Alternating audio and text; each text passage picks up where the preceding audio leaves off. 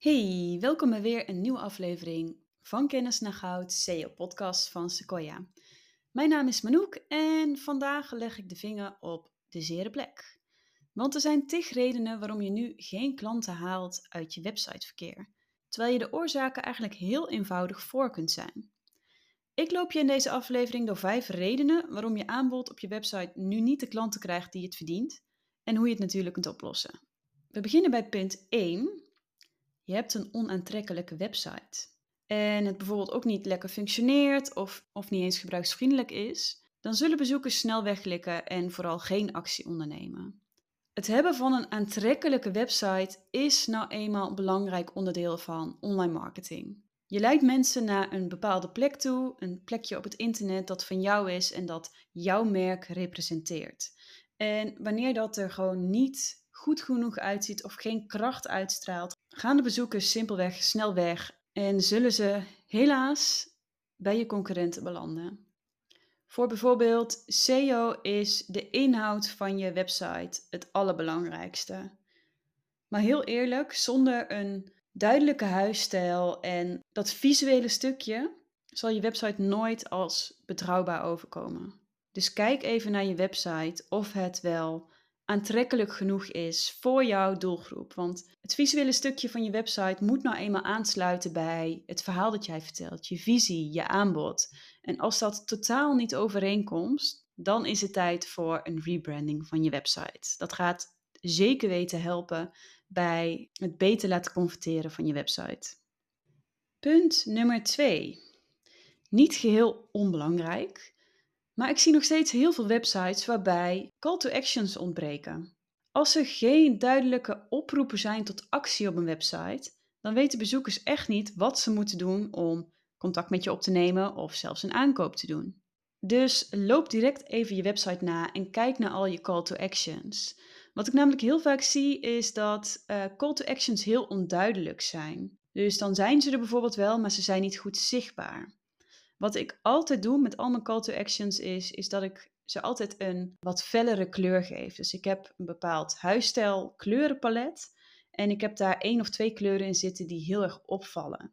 Dat betekent dat wanneer mensen op mijn website zijn en daar doorheen scrollen, dat het gewoon onmogelijk is om de call to actions te missen.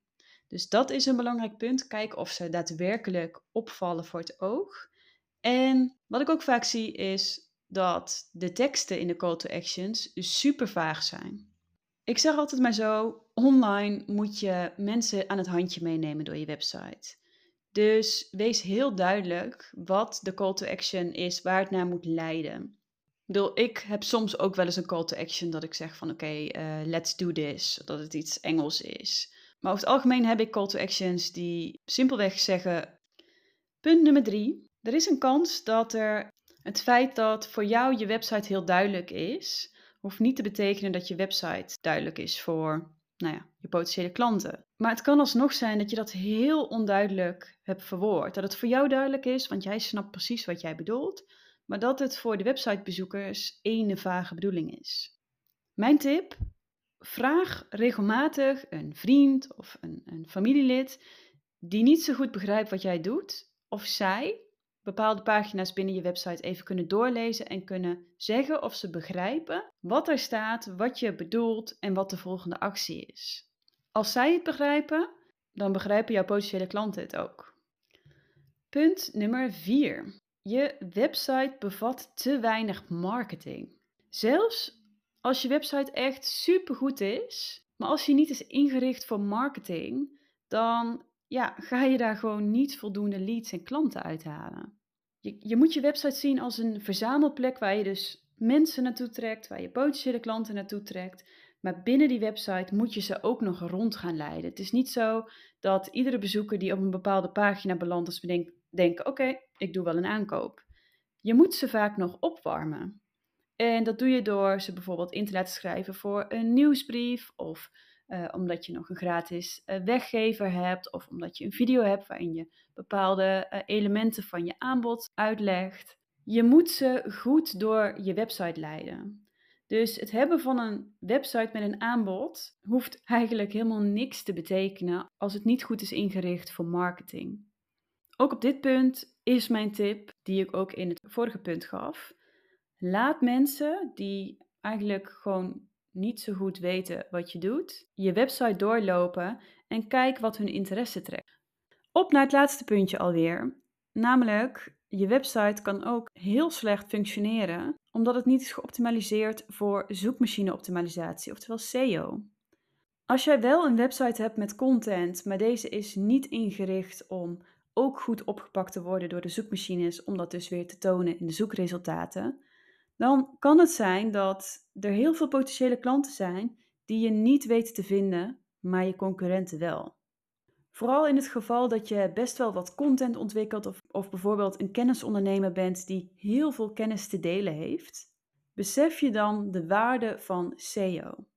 Er zijn zo weinig ondernemers en vooral kennisondernemers die zich focussen op SEO. Je hebt geen idee hoeveel eigenlijk van de zoekmachines nog vrij is om te pakken. De Nederlandstalige zoekmachine is echt nog langer niet verzadigd. Ben jij dus iemand die veel kennis heeft, content ontwikkelt al voor allerlei kanalen? Het kan zijn dat je bijvoorbeeld al een podcast hebt of dat je uh, regelmatig een nieuwsbrief stuurt met bepaalde informatie of dat je zelfs al wel wat blogs plaatst op je website. Besef je dan ook dat als jij die stukken content ook optimaliseert zodat de zoekmachines het optimaal kunnen oppakken, dat je op die manier ook weer veel meer bezoekers naar je website kan trekken. Door middel van mijn eigen bewezen SEO-methode help ik mijn klanten om juist die stukjes van het internet te vinden waar nog heel weinig mensen op inzetten. Want je kan natuurlijk content gaan ontwikkelen voor hele generieke, dus hele brede zoekwoorden. Maar daar zet iedereen in jouw vakgebied, in jouw branche al op in. Stel je voor dat jij content maakt voor hele specifieke zoekwoorden, hele specifieke zoekopdrachten waar jouw warme klanten op zoeken en dat ze dan direct bij jou terechtkomen. Stel je eens voor hoeveel verkeer dat oplevert, maar nog beter, hoeveel meer klanten je daarmee kan aantrekken. Mocht je nu denken, oké, ik wil aan de slag met die bewezen SEO-methode van jou, in de Sequoia Academy leer ik je hoe je jouw bak met vakkennis om kunt zetten in een marketingstrategie dat werkt voor jou, in plaats van dat jij helemaal geleefd wordt door je eigen marketing.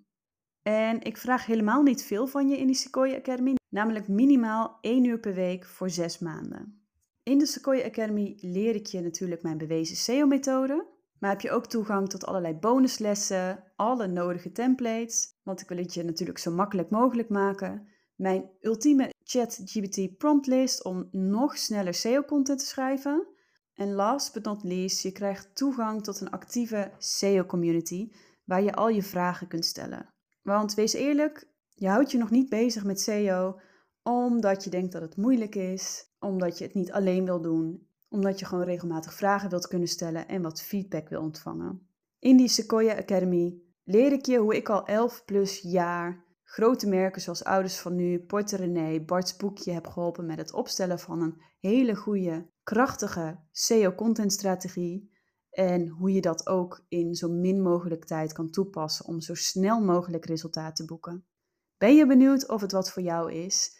In de beschrijving van deze podcast staat een link naar meer informatie over de Sequoia Academy. En hopelijk zie ik je binnenkort daar. Ik wil je bedanken voor het luisteren van deze nieuwe aflevering. Mocht je het een leuke aflevering vinden en denken: hey, dit wil ik wel vaker luisteren, abonneer je dan op deze podcast. En volgende week dinsdag